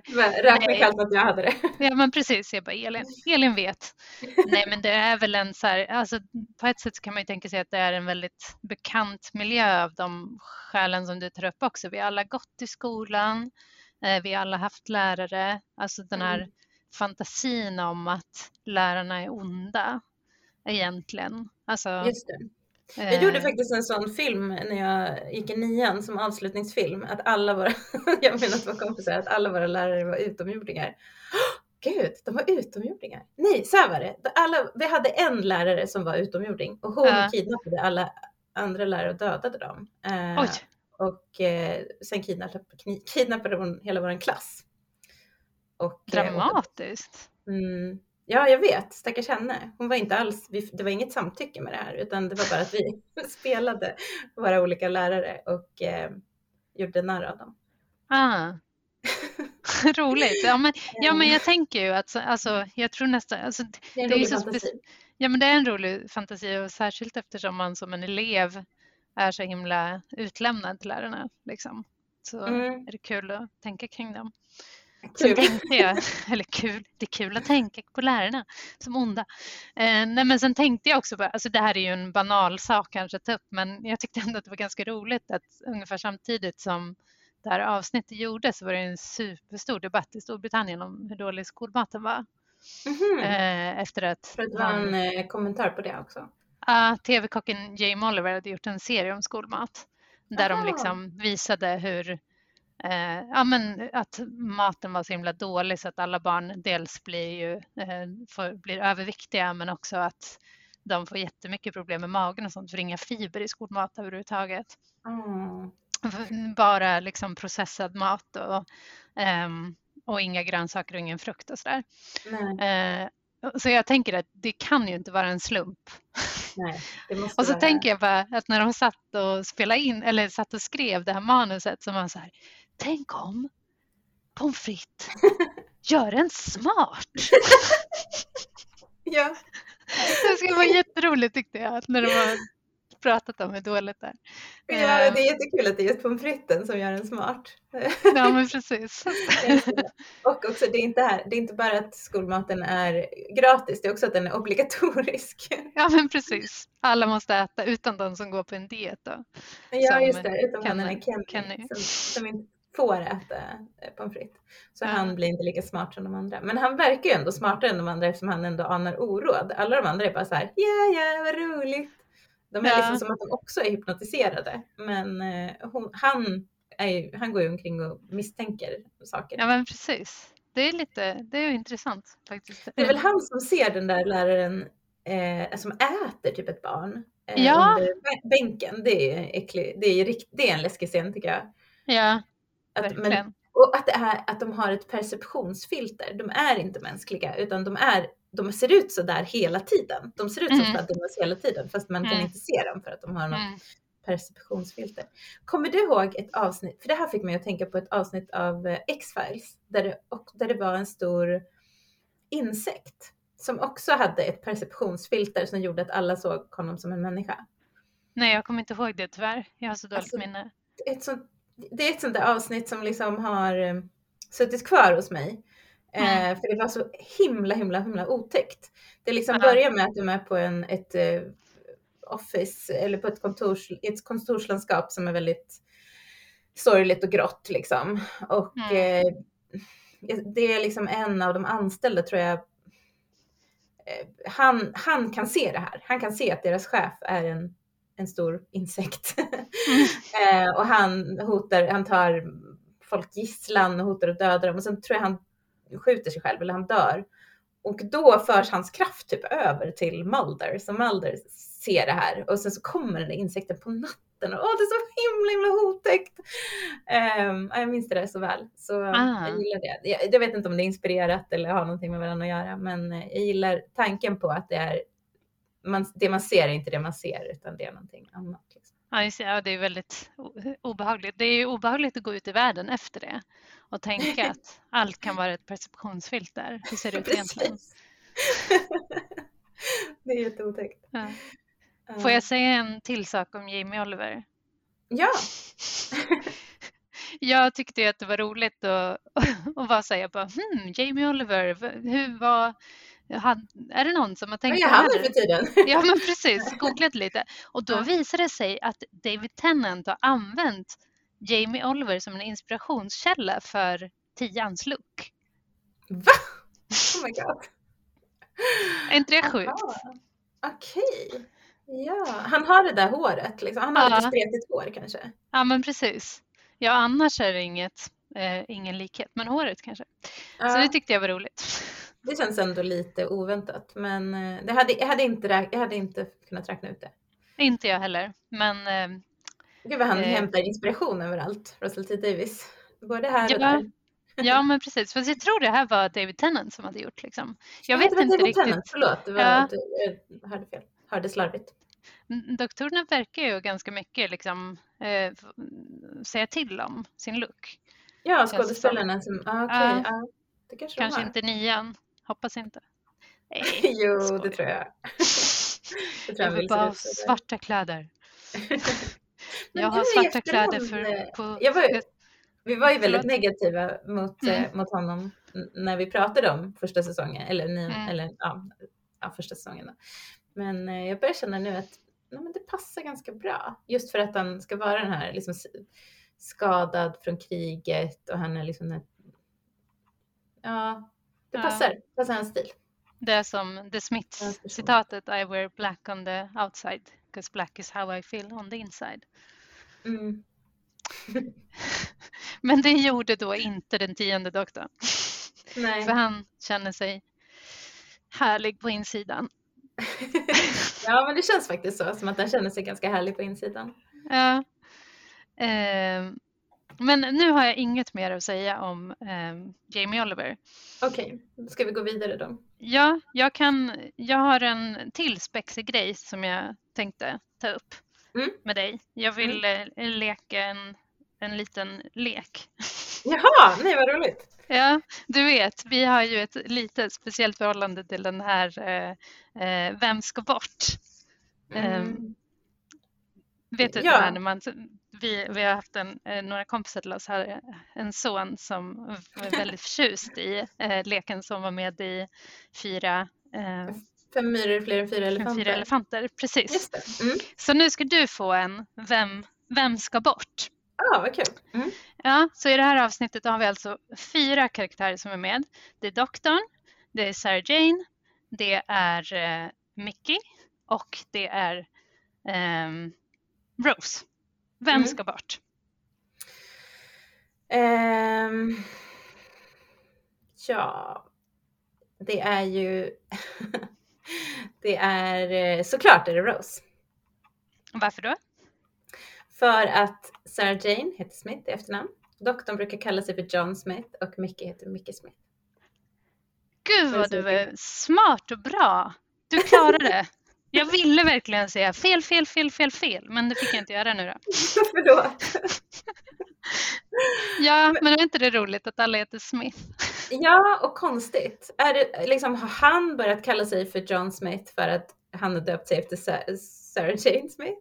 Varför heter Mickey Mickey Smith? Är det en blinkning till Sarah Jane? Eller är det bara för att det är ett sånt otroligt vanligt namn? Ja, England? det måste ju vara så, men det är ju lite konstigt. Ja, de kunde ju döpt många till något Smith. annat. Ja, men precis. Mm. Men det låter bra, Mickey Smith. Mm. Ja. Det Mm. var mitt andra spexiga bidrag till det här avsnittet. Jag uppskattar det. Jag hoppas vi får många fler lekar framöver. till podden. Vi, Men vi får jag se. tänkte, vi har, vi har ju några olika punkter som vi brukar gå igenom. Ska, Mm. vi, ska vi göra det? Vad, Mm. vad är ditt... eh, Har, du- har ju nämnt det tidigare när vi pratade med Karin, men ditt favoritögonblick eller scen, har du någon, någonting annat som skulle, du skulle vilja lyfta fram eller vill du prata lite mer om det vi pratade om förut? Eller? Ja, alltså, ja, jag kan säga det igen bara för att jag verkligen, verkligen uppskattar den serien. Och, eller den scenen. Eh, det är ju när eh, Sarah Jane övertalar doktorn att inte gå med eh, Dr. Finch, eller rektor Finch och hans fladdermöss. Eh, det låter också ja, som en serie. Ja. Mr hans fladdermöss. ja. Ja. Men hon säger, eh, och nu eh, läser jag lite rakt upp och ner här från de svenska texterna, hon bara nej, universum måste röra sig framåt. Smärta, uthärda, eh, smärta utmärker oss lika mycket som glädje. Världen, relationen, allt har sin tid, allt tar slut. Mm. Mm. Det var så himla fint tyckte jag.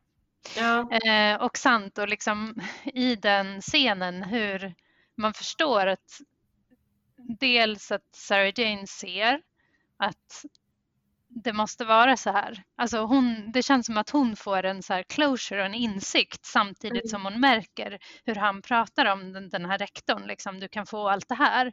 Så Mm. liksom landar det i henne att så här, nej, det var, det var liksom min resa med doktorn, den var tvungen att ta slut. Det är en del av livet och det är så det är.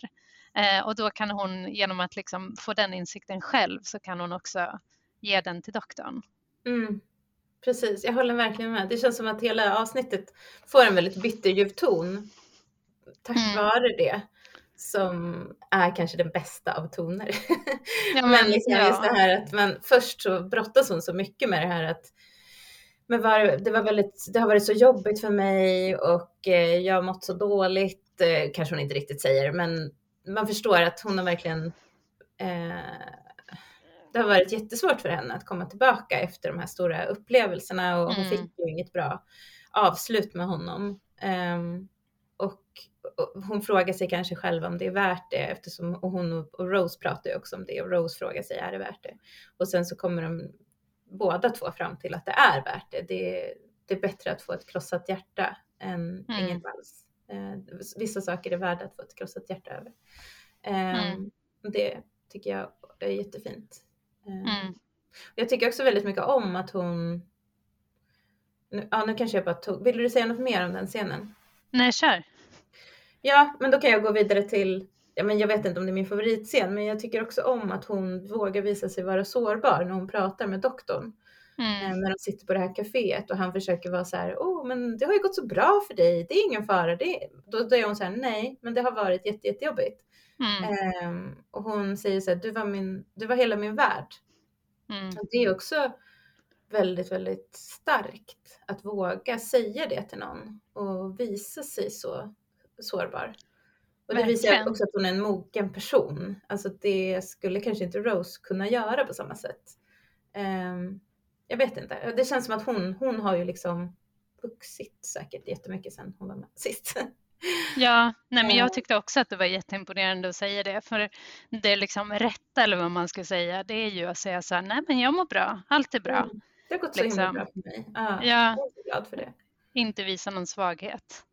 Och det gör ju också att hon sen i slutet, som också är en jättefin scen, när de tar farväl av varandra, kan tacka Mm. honom för allt hon har fått uppleva utan, eh, någon, utan att ha några sidokänslor, alltså negativa känslor, utan det känns som att hon verkligen, verkliligen menar det som när hon Mm. tackar honom. Mm. Och sen så att hon också får eh, K9 med sig på slutet, att hon, Ja. när han åker därifrån. Det är eh, jätte, jättefint. Ja. ja, jag tyckte också. om det. Um, har du några Alltså jag tycker det finns så många bra scener i det här avsnittet. Jag, nu har vi tagit upp dem som lite mer kanske känslosamma och säger någonting om liksom livet eh, för en egen del också som man kan ta med sig. Men vi har ju också nämnt de här scenerna när Mr Finch är så himla läskig. De är också bra. De är så himla bra och han är så rolig när han säger på slutet så här. Eh, han säger, det, ja men det är så här, de, slut, i slutet när de har, när de ska attackera, de här fladdermössen, då ska attackera Rose och eh, gänget och doktorn och gänget så är de ju ganska dåliga. De liksom flyger ner. De verkar inte vara så effektiva i sitt mördande utan de bara så flyger och attackerar. Och de, man kan typ hålla upp en stol och klara sig bra eh, från mm. dem. Och sen kommer i alla fall K9 in eh, och börjar skjuta på dem. Eh, vet inte hur effektiv han är heller. Då, säger, då låter han så himla trött och så säger han, eh, de är, alltså den håller ju på att försöka döda dem men han bara forget that shooty dog thing. Ja men det var roligt. Det är en bra, bra scen. Säger, han säger ju också Mr Finch där i slutet eh, när han förstår att liksom, ja, det gick inte så bra. Det här, eh, för egentligen så ville han ju inte att de här hans eh, bröder skulle döda doktorn utan Nej. de kan döda de andra. Men så säger han så här, ja ja, men ni kan döda honom också, spara hjärnan bara. ja. ja, det är väldigt bra. Och det som jag sa tidigare också, att för först så säger doktorn när han, kommer, när han inser att K9 måste stanna och offra sitt mm. liv för att eh, rädda de andra, mm. så säger han så här, you're a good dog. Och då säger K9 affirmative. Och sen så, som en spegling av det säger också Mr Finch, bad dog. Det är väldigt roligt. Han säger också jätte, jättebra. Uh, mm. Men det, det där, jag tycker det är så himla Dr. Whoit också, att alltid, det är alltid någon som ska offra sitt liv för att rädda alla andra. Det var det ju förra veckan också. Ja. Och, eh, hände, ja men typ i alla avsnitt känns det som. Är det någon som ska offra sitt liv? Ja, det är ju det rätta. ja. Att offra sig. Mm. Um, det är också så här, jag har ett skott kvar, då måste jag stå där inne. Och eh, ja, Sonic Screwdriven, ja. den, eh, den funkar inte. För nu är det blivit var... bakblås. ja, det var konstigt. Det Men alla de här bra scenerna, finns det något som du inte var så förtjust i? Har du någon liksom, sämsta scen? Mm. Eh, det var liksom några små detaljer, men typ en, vid ett tillfälle så säger doktorn att Mickey skriker som en liten flicka och sen ändrar han sig till att han skriker som en liten flicka med tioårig flicka med flätor. Ja. Det var väl lite onödigt sexistiskt. Um, och så vid något annat tillfälle så säger Mickey, fatshamer Mickey Rose och säger att uh, hon borde akta sig för att äta pommes frites för att uh, då kommer doktorn typ lämna henne. Ja, det tyckte inte jag heller om. Alltså man bara, var ni tvungna? Eller liksom, uh, ja, nej, det var mm. inte så kul. Det var onödigt. Du då? Nej, men när du tog upp de där scenerna, så, eller de grejerna, så tyckte inte jag heller om det. Men annars tyckte jag faktiskt inte det fanns så många svaga grejer här i. Alltså, det är ju, vi har redan varit inne lite på det, de är inte jättesnygga de här eh, fladdermössen. Eh, så, så när de springer i korridoren och så här så tyckte jag väl att det var lite Alltså jag tycker ofta att det blir så att jag, när det ska i slutscenerna så tappar jag lite så här, ja, när, när det är mycket spring och inte så mycket substans. Mm. Men, men jag tycker ju, alltså, det är bara små grejer här. Ja. ja, men här tycker jag att det är ganska bra fart liksom i slutet. För det är mm. som, som att först försöker Mr Finch övertala doktorn att gå över till hans sida och vi ska bli gudar. Mm. Um, men, och sen när doktorn bestämmer sig för att inte göra det så kastar han en stol mot eh, skärmen där den här mm. koden mm. är typ. Och då, mm. då är det som att allting bara liksom rasar loss. För då mm. ser man också samtidigt så kör Mickey in med bilen i, i glasdörrarna för att rädda det här mm. barnet, den här Kenny som ska ta sig ut och så, um, håller, så håller Rose och Sarah Jane kanske håller på, eller nej de är ju där, vad händer egentligen? Jo just det, Micke håller på att dra ut sladden. Ja han hittar ju att man bara kan dra ut den, så ordnar sig allt. När de här eleverna sitter och avkodar ja. eller skriver kod eller hackar kod eller vad de håller ja. på med, precis som de sitter och lanar. ja. ja. Ja men alltid, det händer mycket, det blir så mycket action och sådär. Ja. Och, det, och de börjar jaga dem och jag vet inte, vid något tillfälle gör de också om sig så att de går från, eh, alltså krillitanerna eller vad de heter, de gör om sig så att de blir människor igen. Jag Mm. vet inte riktigt varför. Och det här med oljan, vad är det? Jag fattar inte det. Vad är det för olja? Är det olja från deras kroppar? Och varför tål de inte den? Ja, men de har förändrats mycket för eh, de krill... Jag vet det. Ja, jag vet förklaringen. men men krill- Okej. Ja, du menar Ja, men det är ju för att de ska få en lätt lösning för att ta Ja. sig ur knipan. Det var det. Ja, Ja, nej, men det är ju orimligt. Ja, jag vet. Men det är ofta så här, alltså det är väl det som är liksom, de vill ju inte berätta den här historien. Nej, det är inte det viktiga här. Nej, Så då gör de Eh. väldigt enkelt. ja, så Men är det, liksom, är det typ som matolja från jorden? Typ, skulle K9 kunna analysera den och säga att det är eh, jordolja från, som människorna har? Utan är, eller är det liksom från dem? Liksom, det kändes som att det var från, det heter ju Kriliton Oil väl? Ja, fast Mm. vi skulle ju inte säga människoolja om vi, utan det skulle man ju rapsolja, jag vet inte. Ja, men det måste ju komma från dem. Men det känns ju, vi har ju, man har ju inte olja i kroppen väl? Ja, men de har kanske det. Ja, De har... det är också en rolig detalj det här att, de, att han inte kände igen dem för att tidigare när han träffade på krillitanerna då, hade, då såg de ut precis som vi fast med jättelånga halsar. Ja. eh, Men Det är bara Ja, en rolig detalj. Det känns som att det kan typ, David Tennant har improviserat fram. Typ. Verkligen. Ja, men en sak som jag hörde som var ju också, alltså jag sa, ju det förut också att jag inte var så, eh, först så tyckte jag att det var inte alls roligt att det skulle vara den här svartsjuka-grejen. Mm. Och då den scenen där, där eh, Sarah Jane och Rose har den där eh, tävlingen om vem som har sett mest i världen. Den avslutas med att de står och gapskrattar eh, åt doktorn. Ja. Ja. Och, och det var tydligen, eh, när de spelade in så hade han en, då kom David Tennant in med en lös mustasch på sig. det är jättekul. Eller hur? Så det är liksom helt genuint skratt Jag över, tänker att de har så himla mysigt på, när de spelar in det här. Alltså, Ja. När man har sett också backstage-foton så ser de ut som de skrattar jämt. ja, De brukar ha ja. mysig sammanhållning. Det gillar man. Sen läste jag också, ja ja. förlåt, säg du. Nej, säger du. Nej, jag skulle bara säga, det är en liten sak här, men eh, jag läste att hon, Elizabeth Leyden som spelar Sarah Jane Smith, eh, hon ville inte vara med först i det här avsnittet för hon tyckte att, men vad då ska Sarah Jane komma in i serien? Det är inte, alltså vad ska hon spela för roll? Det blir bara konstigt. Men sen så läste hon manus och så ändrade hon sig för att hon tyckte att, ja men det är ju en viktig, det det är en viktig roll i det här. Mm. Alltså det är inte bara någon så här, nu lägger vi till det. det Nej, Jag.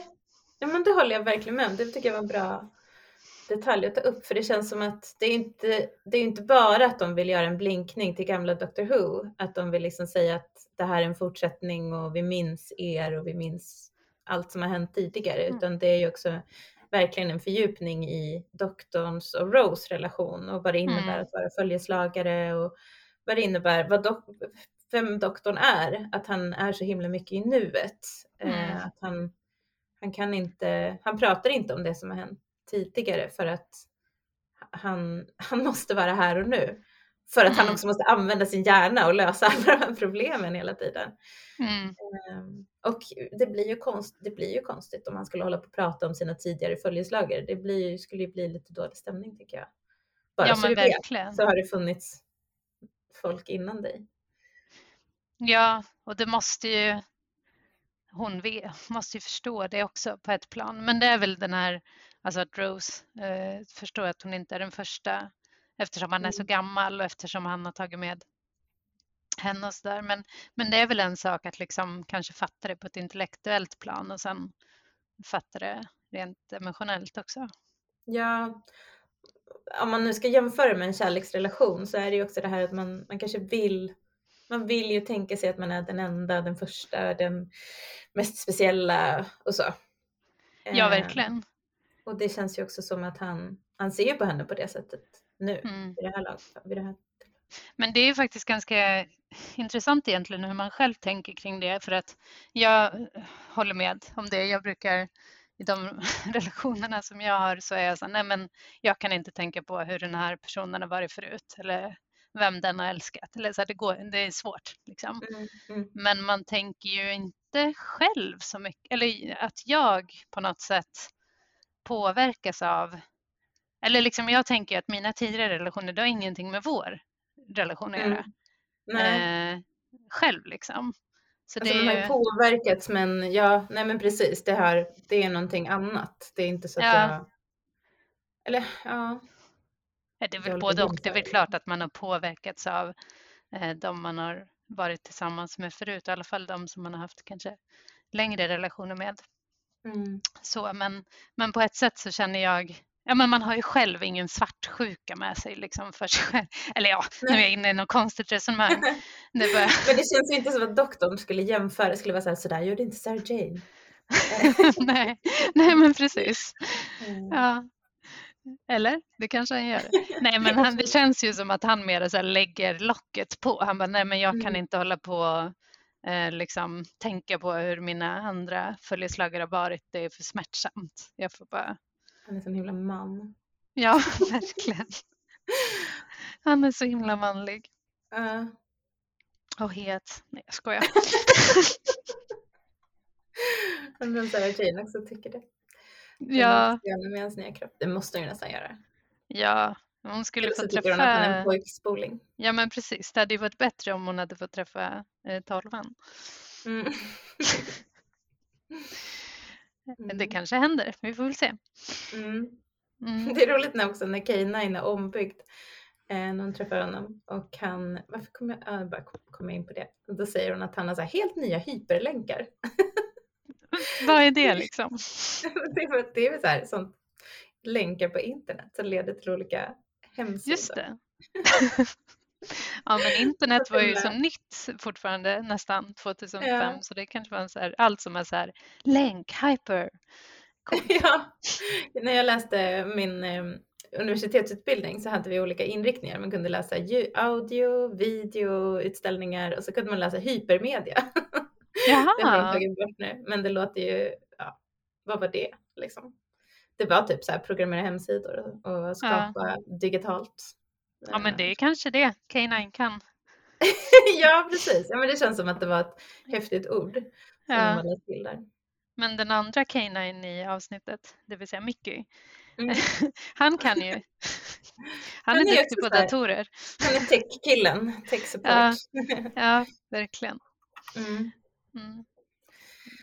Men vad, tror, vad tycker du om att eh, Micke ska följa med nu i Tardisen då? Hur känner du för det? Nej men jag gillar Mickey. Eh, ja, ja, det ska bli kul att se hur Mm. han utvecklas. Ehm, Mm. Men sen som vi har varit inne på, eh, ofta så det jag inte vill att det ska bli är ju att det ska vara så här svartsjukedramer varenda avsnitt eller att eh. Rose ska fortsätta bete sig som den här truliga tonåringen. Nej, hoppas inte. Men- Men jag hoppas inte det. Nej. Vad känner du? Ehm, på något sätt så känns det liksom kanske lite som att han är en, eh, att han stör lite grann. Men vi får Mm. väl se. Det kanske kan vara bra att han är med. Ehm, det blir intressant att se dynamiken mellan dem. Men det känns som att det kan bli lite krångligt både mellan honom och doktorn och honom och Rose. Och mellan Mm. Rose och doktorn för att han är där. Mm. Ehm, så det blir, det blir intressant. Men det känns ju också som att det är bra att han får en ny chans. Jag såg precis om eh, första avsnitten, eller första avsnittet med honom och där är han ju en sån himla fegis stackarn. Så det Ja. känns ju bra att han får, ja, att han får komma ut och uppleva lite saker. Ja, nej men det jag tycker är är liksom lovande här, det är att jag tycker att här märks det att det händer saker med Mickey. Mm. Eh, Alltså karaktärsutveckling, att han kommer till nya platser och jag tror att vi kommer få följa det. Mm. Liksom. Att han Mm. inte, och som, som du säger, det har vi ju sett om man jämför med den här Idiot Mickey, eller Mickey the Idiot och, och Mm. sådär. Eh, Ja, verkligen. Ja, nej men det ska bli kul. Vad, vad tycker du om doktorns cleverness då i det här avsnittet? Eh, Nå, det är faktiskt lite så här. Nej, ah, nej, han är väl inte så clever egentligen för att Alltså man, jag brukar ju alltid fastna i bara, jo men han förstod ju att det var Krillians och han vet ju vad det är och sådär. Men sen brukar ju du påpeka att så här, ja fast han fattar ju inte vad som händer. Ja, du vet lite mer eh, med relationer och så här. Och här, han har ju inte förstått. Eh, han lär sig ju någonting om liksom eh, vad som är viktigt och att tiden måste gå. Och, och han behövde ju Sarah Jane för att liksom berätta det. Mm. Eh, att allting tar slut och, och eh, att det måste vara så. Och, men det är viktigt att liksom ta vara på den tiden man har, säga adjö. Men det har ju inte han förstått. Han vill ju bara mer så här, oh vad härligt att träffa Sarah Jane, vad roligt. Hur har du haft det? Och det är ju mm. väldigt tondövt. Så. Mm. Mm. Och om det inte hade varit för Sarah Jane då kanske han inte skulle, då kanske han nu skulle varit någon slags eh, semigud som formade universum. Jag vet inte. Vad tycker du? Eller ska jag ge ett betyg först tycker du? Uh. Han får en tvåa. Oj, hård. Hård Malin. Hårdast någonsin. Ja, verkligen. Nu var det du som var bad cop. Då får väl jag vara good cop den här gången. Ja. Um, ja, men jag tycker ändå att han, han, han är där för att undersöka och han är går in, han liksom, det är roligt för att han tar ju den här lärarens plats genom att hon vinner på Lotto som hon inte ens har spelat på. Så hon liksom blir så här, eh, ekonomiskt oberoende eller någonting, mm. vilket är väldigt bra. Mm. Eh, trevligt för henne, eh, ingenting negativt där. Eh, så hon, han tar hennes plats och sen så blir han lärare. Han är in, ja, hennes, hans lärarstil inte så clever. Han bara är så här, vad händer om man gör så här och det här? Eh, mellan två alltså han, han har en massa teoretiska eh, frågor och sen så ska eleverna svara på det. Utan ja. att liksom, de får inte, det är ingen Montessori-pedagogik här. Liksom. Det är inte att Men man får känna, inte? uppleva och tycka. Nej. Men gillar du inte en lärare som kommer in och bara fysik, fysik, fysik, fysik, fysik, fysik? Det skulle jag, jag tror jag ska pröva det när jag undervisar nästa gång. Transport, transport, transport om det är ett ord som man verkligen vill att de ska lära sig, men jag tänker att det här ordet kan de redan. Eh, så att, ja. eh, det är mer om det är någonting där riktigt svårt. Jag hade en eh, chef, min, min konsthallschef för länge sedan. Han, mm. När han skulle träffa mina kolloelever skulle han ha mm. en, en kurs om semiotik. Eller han skulle inte ha det egentligen, han skulle egentligen bara prata om hur man kan kommunicera med konst. Men då ville han lära dem ordet semiotik. Så då ja var han ungefär han var semiotik, semiotik, semiotik, semiotik. Och så skrev han upp det så här, han tog ett stort papper och så skrev han det i målarfärg, röd målarfärg på väggen. Så de kommer nog ihåg det, ordet fortfarande skulle jag tro.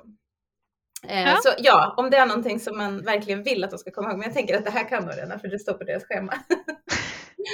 eh, men det var inte det. Det var, det var inte hans lärstil jag skulle eh, ge betyg på. Nej, men han, han, han är liksom med och eh, kommer på vad som, vad som händer. Han känner igen att de är krillitaner. Han eh, lagar K9, ser till att eh, K9 kan analysera oljan. Han kommer på att oljan är, att varför de har blivit, liksom, varför de reagerar sådär på oljan mm. och kan använda det emot dem. Sen så funkar ju då inte hans Sonic Screwdriver, det är ju dåligt, men jag tycker ändå han är ganska smart, så jag skulle vilja ge honom en eh, fyra. Men jag håller med dig om det här. Han kanske inte har någon stor emotionell intelligens i det här avsnittet. Där Nej. håller jag med om att han inte är så smart. Um, och där lär han sig nog väldigt mycket på, i det här avsnittet, på vägen mm. av Sarah Jane, av att träffa Sarah Jane. Mm. Ska mm. vi, jäm, ska vi liksom landa på en trea, en gemensam trea? Men jag tycker vi ska ha en, ska tycka olika. Det är roligt. Okej, okej. Men det är alltid så när man hör dig prata om cleverness. Jag bara, ja du har rätt, du har rätt. Han var clever. Men hedersomnämnande då? Ja, ja jag tycker det är svårt. Eh, eller jag har, har två som jag har funderat på. Men jag säger mm. ändå så får vi se vad du säger, om du säger den mm. andra eller något annat. Nej, men det här hedersomnämnandet måste väl nästan gå till K9 som offrar sitt liv och gör det så eh, utan eh, att darra på manschetten eller på morrhåren eller någonting. Eh, nej men han, Eh, han liksom kommer på vad han behöver göra och eh, gör det. Och det är väldigt gulligt när eh, doktorn säger farväl till sin hund och klappar Mm. honom lite på huvudet och sådär. Mm. Så ja, K9. Och just sen i slutet när K9 kommer tillbaka och eh, Sarah Jane blir så glad för det är så sorgligt i slutet när hon hon undrar Ja. vad har du gjort? Och, och, och doktorn bara, ah, vi måste springa och sen så inser hon att K9 har offrat sig och då säger hon bara, så här, han var bara en dum plåthund och sen så ser man hur hon liksom darrar på underläppen och, och doktorn liksom kramar om henne. Jag tycker det är, Mm. mm, det är ett rörande ögonblick så det är så fint sen när han kommer tillbaka. Ja, verkligen fint. Mm. Ehm, jag har ju landat i en annan person då. Eh, Men jag höll också på att resonera kring två. Och först var jag så här, vi måste ta Kenny. För Ja. att han, han gjorde en så fin liten insats där. Både var Mm. han smart och gick omkring och, och sen så var det ju han som kom på att, man, att eh, fladdermöss hör dåligt. Eh, och, Just det, ja, att de blir helt utstörda av det här ljudet, det höga Ja. brandlarmsljudet krossar. Precis, så handlingskraftig och en bra kamrat och, och sådär. Så det var roligt tyckte jag. Och även den här, jag funderade på i slutet så när barnen vaknar upp i sin trans som de tydligen var i så, så är det ju en tjej som bara var det du som gjorde det här? Och han bara ja, det var det. Så kändes det som att han fick glänsa på ett fint sätt. Ja. Och så, och så säger de så här, oh my skolan." god, Kenny blew up the school. Det kändes som en referens till eh, South Park nästan. Ja, just det. Det är Killed Kenny. Ja, men precis. Eh, Men, eh, så jag gillade Kenny, men jag kände att vi måste, eller Sarah Jane måste få ett hedersomnämnande. ja, det är ju sant. Ja, verkligen. Varför tänkte jag inte på henne? Det var som Ja. att det var för stort, liksom. man såg inte det för att ja, hon är liksom, hela avsnittet handlar om henne. Ja, men precis. Och hon räddar faktiskt världen Mm. eh, på ett eh, väldigt fint sätt. Hon räddar världen, utvecklar doktorn, går vidare i livet. Ja. Fantastiskt. coolt. Men eh, jag tycker det var bra att vi valde K9 för då blir det liksom K9 och Mary Jane, Sarah Jane, förlåt, ja. som får, Mm. får cred för Mm. deras insatser. ja, men jag gillar också det. Mm. Bra, bra att du gav det till henne. Mm. Vilket avsnitt, vad, vad mycket man får lära sig.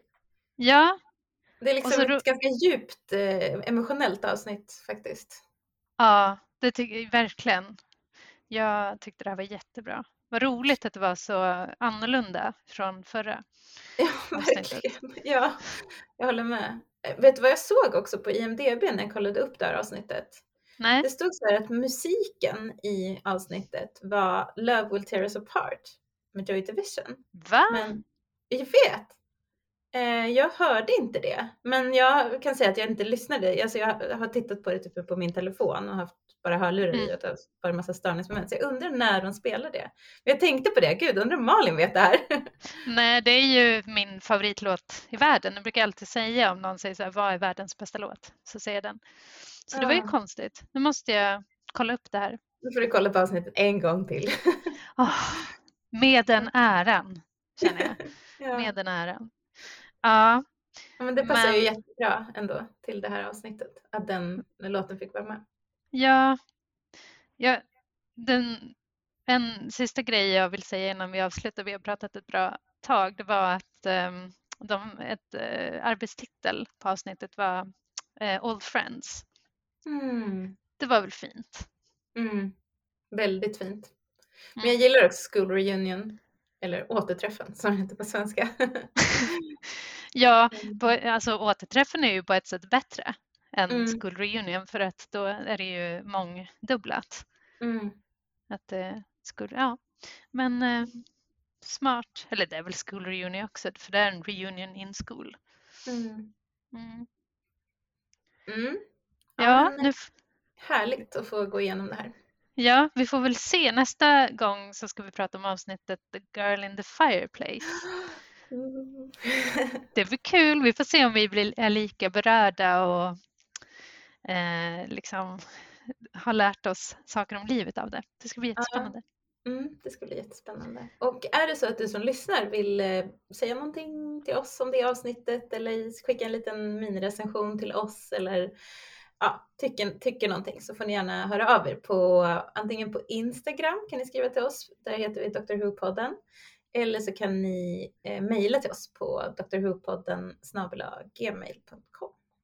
Och eh, kom ihåg att följa oss, eh, ge oss en recension också på, eller ge oss ett betyg på den eh, podcast-app ni använder och så, så skulle vi bli jätteglada. Mm. Mm. Bra, då säger vi så. Tack för den här gången. Hej då! Hej då!